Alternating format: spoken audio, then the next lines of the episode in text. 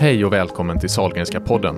En podd om medarbetare och patienter på Salgrenska universitetssjukhuset.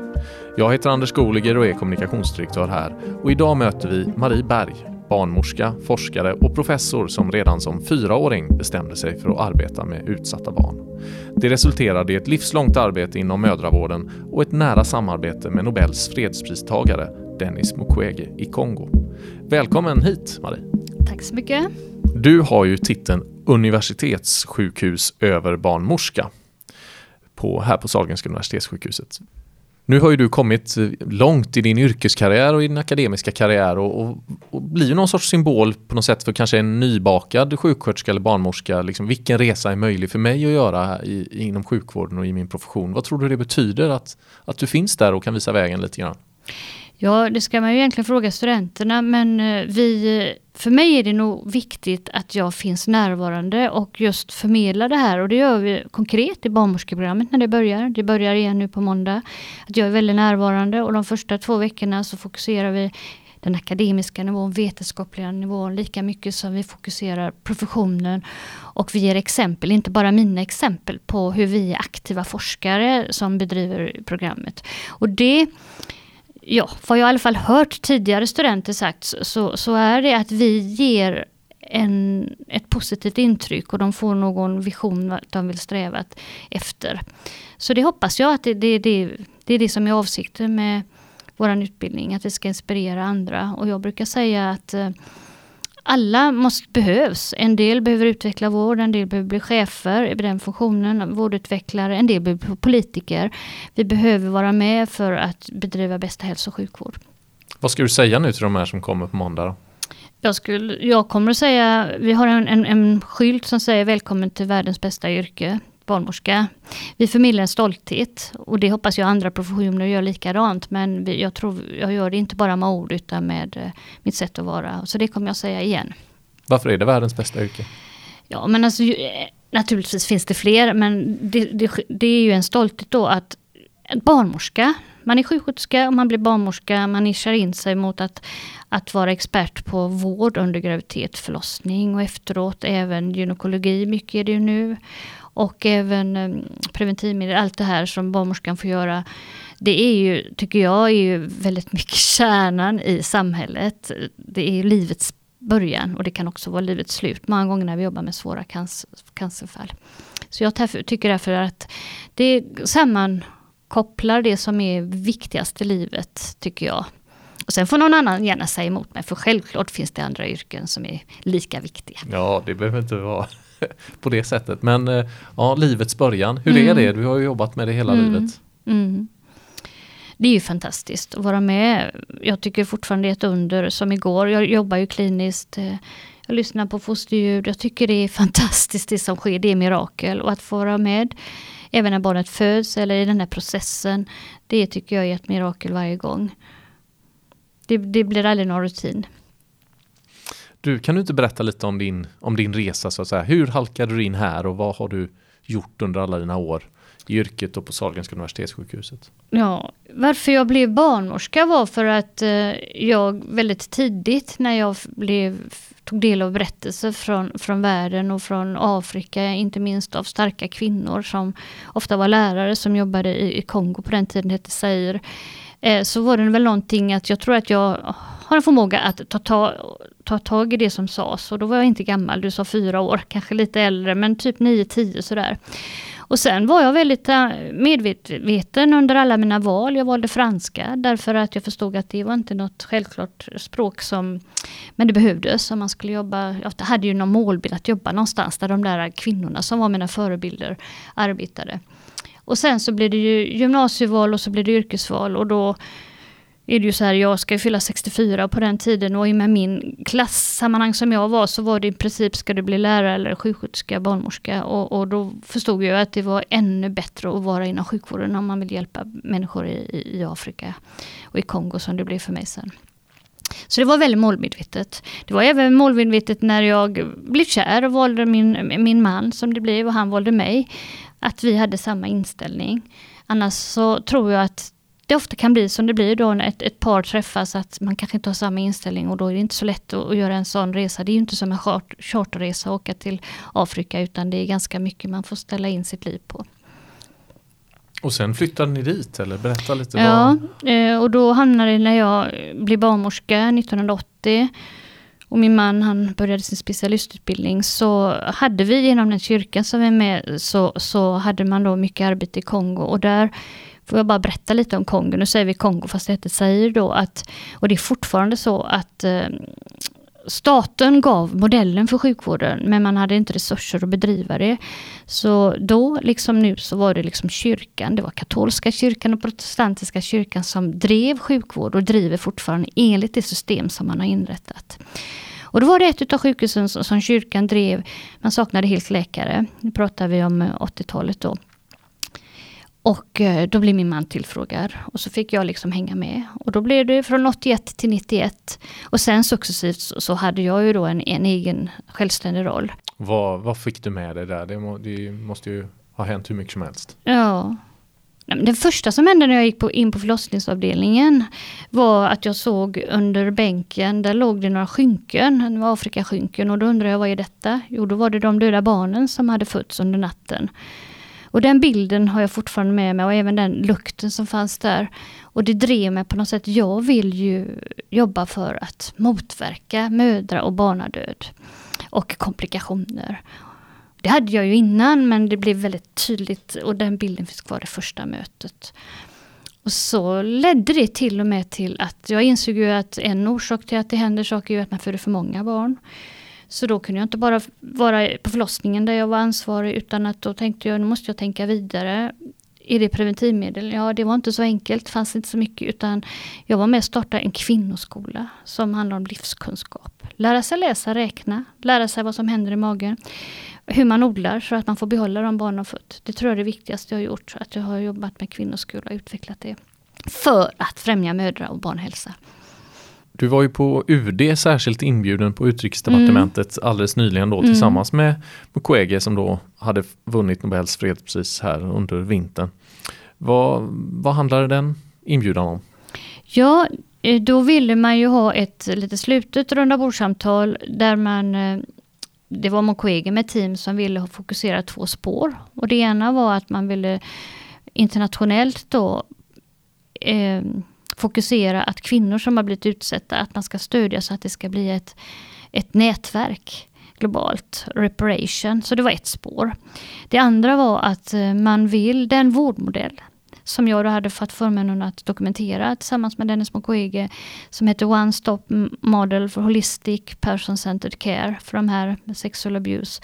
Man ville få den presenterat eh, och tanken är ju att den kan skalas upp och användas på alla ställen där motsvarande behov finns, där kvinnor har utsatts för våld. Och så är det ju, Mukwege reser ju mycket runt. Eh, Irak nu senast i somras och så vidare. Så att det var liksom att upplysa om den modellen. Och mm, så att den finns med i framtiden när Sverige fortsätter att ge bistånd som jag hoppas att eh, för Sverige är ju väldigt starka men alltså, man har ju en, liksom en strategi men det gäller sexuell och reproduktiv hälsa är vi ju väldigt bra på om vi ska sälja kunskap också. Och att, eh, så jag hade ju uppdrag att presentera den vårdmodellen. Mm. Vad sa Mukwege när han vann fredspriset? Ja, han eh, blev ju väldigt glad. Men samtidigt, jag, jag var ju ute här i oktober och då hade vi en fest, arbetarna. Så kände jag mig som en arbetare, vi hade en intern fest. Då hade han ett, och då har han sagt väldigt många gånger att det här är jättestort men samtidigt så delar, det är ju inte mitt pris, det är vårt pris. Och han skickade tillbaka att det här förpliktigar med ett ansvar. Att vi måste, nu har vi världen på oss men nu har vi ett ansvar att visa att vi fortsätter och, och driver detta när det gäller de sexuellt eh, våldtagna. Och, eh, så han gav, eh, gav oss, om jag får säga, att jag är med på ett litet hörn där. Men framförallt arbetarna på Panzisjukhuset och på Panzerstiftelsen som han hade då ett, att det här förpliktigar ännu mer. För nu, nu har vi världen på oss och då måste vi visa upp, liksom, upp till bevis att detta är bra och att vi jobbar med den här saken. Och samtidigt så har han ju, det här hade han ju sett tidigare, att nu kommer ju folk, han har ju varit över hela världen innan också, och tittar på sjukhuset. Och då kan man ju se väldigt god vård faktiskt när det gäller den här vårdmodellen som utvecklat för de här. Men den vanliga sjukhusvården, alltså alla andra, de vanliga tunga specialiteterna, inklusive mödra och förlossningsvård, där är man inte i framkant. Så det har han också sagt att vi behöver utveckla den vården. Mm sprida det även där. Ja. Vad, vad, tycker du om vår, vården som bedrivs här på SU? Så att säga? Vad ser du för utmaningar och tillgångar som vi har när du tittar på förlossningsvården då? Eller? Ja, eh, när det gäller vår förlossningsvård, det som är positivt det är ju att vi ska bygga ett nytt förlossnings och neonatal ja, sjukhuskropp. Eh, och eh, det har jag också lärt mig att det har också varit ett sätt som jag jobbat med Pansi, att när vi planerar god vård så händer det mycket när man planerar nya byggnader. För då måste man ta ett omtag och se vad är det för vård som är god och som är den bästa. Och där vi behöver byggnader som ska stödja det. Och då tycker jag det är väldigt positivt att vi har detta nya på gång. Och det ska byggas tre eller fyra förlossningsavdelningar. Man har ju beslutat att slå samman allting så det finns ju på ett ställe. Eh, det tycker jag är väldigt positivt, för det finns stora möjligheter när man skapar någonting nytt. Sen är det viktigt att de blir ändamålsenliga. Och när det gäller förlossningsvården så tycker jag det är väldigt viktigt att vi har eh, där kämpar vi ju för att det finns väldigt mycket medicinsk teknisk kunskap. Där har vi utmaningen att inte använda tekniken och medicinerna och läkemedlen för mycket. Att fortfarande driva vård som ger, om vi pratar om förlossningar, en vaginal spontan förlossning. Eh, vi ja, så det finns utmaningar att inte sätta på ett dropp, verkförstärkande dropp. Utan det vill vi hålla nere, vi vill minska kejsarsnitten och så vidare. Och det, det, det, det jobbar vi med, minska bristningar och så vidare. Så det är utmaningar och det är aktuella utmaningar som, som vi får attackera från olika håll. Så att säga. För att få en spontan vaginal förlossning med en frisk mor och ett friskt barn. Du har ju pratat om det här med personcentrerad vård, att det vi ligger ju långt framme på Sahlgrenska universitetssjukhuset och i Sverige säkert också men samtidigt vet vi att det här med bemötande är ju ett område där vi kanske kan förbättra oss generellt som sjukvårdssystem. Och hur, hur, hur såg det ut i, i Kongo då så att säga? Det är verkligen en fantastisk personcentrerad vårdmodell man har utvecklat på Panzisjukhuset som vi till och med kan lära av. För man jobbar dels holistiskt i deras fall så har man då både medicinsk vård, psykosocial vård, man, man ger stöd utifrån de juridiska behoven man har och man har även socioekonomiska stöd.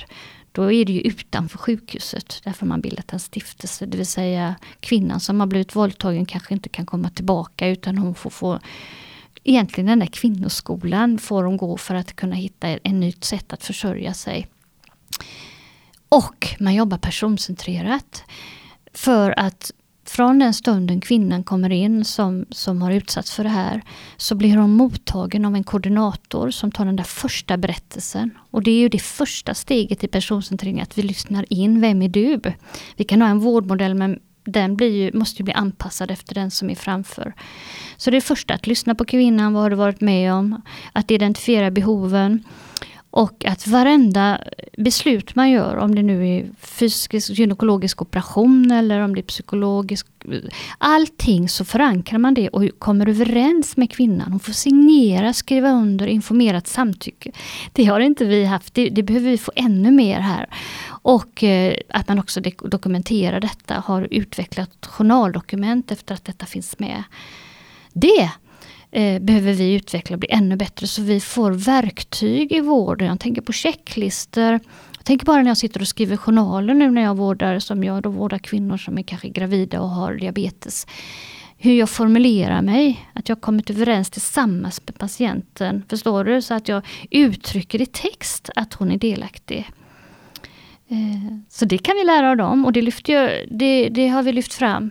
Eh, så att, eh, sen är det ju andra saker som, som vi kan få bistå med. Det är ju så, vi kan lära varandra oavsett om vi jobbar i ett eh, höginkomstland eller ett låginkomstland. Vad är det du ser framför dig i din forskning nu? Vad är nästa? Du verkar ju vara en sån som är på väg mm. mycket. Vad, vad, är du på väg nu? Ja, jag har både, man pratar om Kongo så har det varit mycket utvecklingsprojekt där. Men där har jag då mitt första stora projekt och det, om vi tar det först, då, då har vi fått ett projekt utav Lärdal. Lärdal är ju en, eh, en norsk organisation, ett företag som gör mycket life saving skills. Simuleringsbaserat lärande och de har speciellt fokuserat för att eh, stödja god vård under förlossning och eh, första minuten efter födelsen. Så då har jag fått medel av Lärdal och där ska vi vara med och stödja Pansy att etablera goda rutiner att träna för att motverka blödningar och komplikationer. Samtidigt lära stödja Panso att bli en modell för att stödja de andra sjukhusen i zonen. Så det ska vi införa och beforska. Samtidigt så har vi också som Göteborgs universitet fått uppdrag att Sida bilateralt i Kongo vill stödja inrättande av barnmorskeprofessionen. Det är globalt sett så är det en strategi man har för att främja mödrahälsa och barnhälsa att barnmorskeprofessionen har tillräckligt kompetens och etablerad. Då har vi som universitet fått uppdrag i det man gör som Sida i Kongo att eh, kvalitetssäkra när man nu ska starta en bättre barnmorskeutbildning i två provinser där det är högsta dödlighet och sjuklighet. För vilka är barnmorskor normalt på ett sjukhus? Så innan ni kommer in, hur, hur ser utbildningen ut? Vad ja, egentligen i Kongo är finns? inte ens barnmorskan legitimerad. Så man får jobba parallellt med att stödja att de blir inrättad. Och det har Sida varit med, det är en policy som Sida har haft mycket i Asien men nu är det Kongo då. Och där kommer vi, så det kommer att få ett, ett uppdrag som kommer här i dagarna som ger oss en utmaning att vara med och bygga upp en bra utbildning. Och då är det både utbildningen att stödja lärarna, inte minst att få rätt kompetens och också de ställen där de gör praktik. Det är Kongo. Och i, Sverige här så det stora är ju just det jag nämnde då om förlossningsrumsprojektet. Det är en randomiserad kontrollerad studie som vi bedriver på en av förlossningsavdelningarna på Östra. Ett, eh, och det är samverkan med hela byggprojektet kan vi säga. Vi pratar om det nya sjukhuset som ska byggas eller sjukhuskroppen som ska byggas. Och då har vi byggt upp ett förlossningsrum Eh, och eh, så som det är tänkt, men där vi har också varit med som forskare att lagt till delar som vi, man vet främjar en bra förlossning. Där, där kvinnan ska själv få forma sitt, sitt rum för att hon ska kunna känna sig trygg och anpassa det så att hon mår bra. Vi använder mycket natur genom projektioner. Så där studerar vi effekten av rummet genom att hon antingen lottas till det där särskilda rummet eller det vanliga. Det är ett jättestort projekt som kommer att uppfylla oss kanske fem år framåt. Det är så himla spännande. Jag har ju sett bilder mm, på det här. Kan du inte ja. berätta lite mer om rummet så att säga? Vad är det? det man ja. kan projicera något på väggen. Och ja, det... det så har man gjort som man gjort på väldigt många ställen då att man döljer medicinska utrustning. All utrustning finns ju och det ska ju vara det bästa. Men man döljer det med en träliknande vägg. Så att första intrycket är ju att man inte liksom blir skrämd av, av massa apparater. Det finns ett badkar. Eh, så att det finns tillgängligt, annars finns det kanske här och där men inte i rummet. Och så finns det då på två väggar så kan man projicera. Eh, vi har några olika program. Genom projektorer. Så att det är mycket med natur, för att det är olika natur och ljud. Eh, och ljus så att det är liksom, för det vet man starkt när det gäller vårdmiljö, att natur, det kan vara artificiell eller riktig, om mm. man hade kunnat gå ut i naturen som vi kan göra i Kongo. Eh, så är det, påverkar det hälsa och i vårt fall är det ju då för att se om det ska, allt detta tillsammans, vi har också lite andra saker som, som är självklara, men alltså att det ska vara tillgängliga. Förlossningssängen ska liksom inte vara det centrala. Vi döljer den med lite överkast och vi har en bekväm soffa som kan bli en, en dubbelsäng. För man vet ju att alternativa ställningar också främjar den normala processen. Så kroppens eget system minskar stressen, ökar parasympaticus, ökar oxytocinet, kroppens, för att främja det normala och det, det hälsosamma processen. Det är det vi ska studera. Så himla spännande. Har du, har du, någon, har du liksom intervjuat någon efteråt eller har du sett något? Nej, liksom? vi är precis och skapar systemet. Vi har, jag tror vi har inkluderat åtta kvinnor och vi håller ju på och du vet utveckla frågor, översätta till andra språk. För det är ofta så här att man gör studier där man kanske stänger ute väldigt många som inte pratar svenska. Och sen så ska vi ju följa upp vi kommer ju studera både nära, precis när de lämnar rummet, men också efter tre och tolv månader. Så det är fullt upp med att liksom designa studien. Det, det är min vardag väldigt mycket nu. Mm. Och ta reda på framtidens förlossningsvård, det är ju det som är, det är väldigt tydligt, det är ju det det handlar om, precis, det här rummet. Precis. Ja, känns det spännande? Ja, det känns spännande och roligt eh, och en, en studie som inspirerar personalen. Eh, jag tror att arbetsmiljön självklart också indirekt påverkar utfallet av vården. Eh, så det finns ju många substudier som vi kan göra där.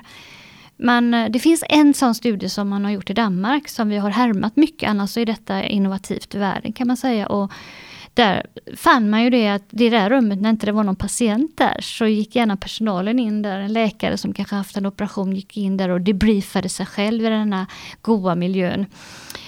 Så att jag tror att miljön, vårdmiljön, den har vi inte studerat tillräckligt mycket, men den påverkar också processen. Så jag tror att det, den är väldigt nyttig, för att dels så kan vi ta med oss detta när vi bygger det nya nu på Sahlgrenska, men också eh, över världen så är man många äldre sjukhus, man är i fas att bygga nytt, att vi kan få ta med oss den här kunskapen så man vet liksom på evidensen vad som är det bästa förlossningsrummet. Man kan tycka det är lite otippat kanske att du som barnmorska med lång erfarenhet så att säga, det, du är nästan inne här och rör dig i så att säga arkitektoniska mm. värden ja. så att säga. Det, men det är också lite fascinerande. Ja, det, det är det, här helheten som ja, du... det är det helheten och det hände i Kongo då november 2015 när jag märkte att Dennis Mukwege orkade lyfta sig och prata om förlossningsvård. Då var det, ja men vi behöver bygga om lite på BB du och så blev det liksom från det till hela sjukhusets detaljplan i princip och en ny förstudio där nere. Och sen, eh, så det är klart det smittar ju, så att jag kontaktade ju Chalmers. Vi samarbetar med Chalmers, det finns Centrum för vårdens arkitektur. Så vi samarbetar ju där, så att det blev ett spår där i Kongo, liksom här i Sverige parallellt, där jag också jobbar med eh, att utveckla förlossningsvård. Alltså min förra randomiserade studie handlar om vilken dos av oxytocin vi ska använda när man behöver använda oxytocin för att verkstärka. Så det var verkligen en ytterst läkemedelsfokuserad, men jag är ju intresserad av oxytocin som sådan, alltså att främja att tro på, på kvinnans egen kropp. Så nu tar jag det andra ytterligheten och ja, det är jättespännande att börja jobba med arkitekter och jag har fått en insikt i det både spåret i Kongo och här nu då. Att, eh, så vi jobbar med, med Chalmers och vi har jobbat i Kongo jobbar jag med en arkitektbyrå som är stor i detta. Mm. Vi har ju en fråga som jag ställer till alla gäster och den lyder så här. Om du var sjukhusdirektör för en dag, vad skulle du göra då?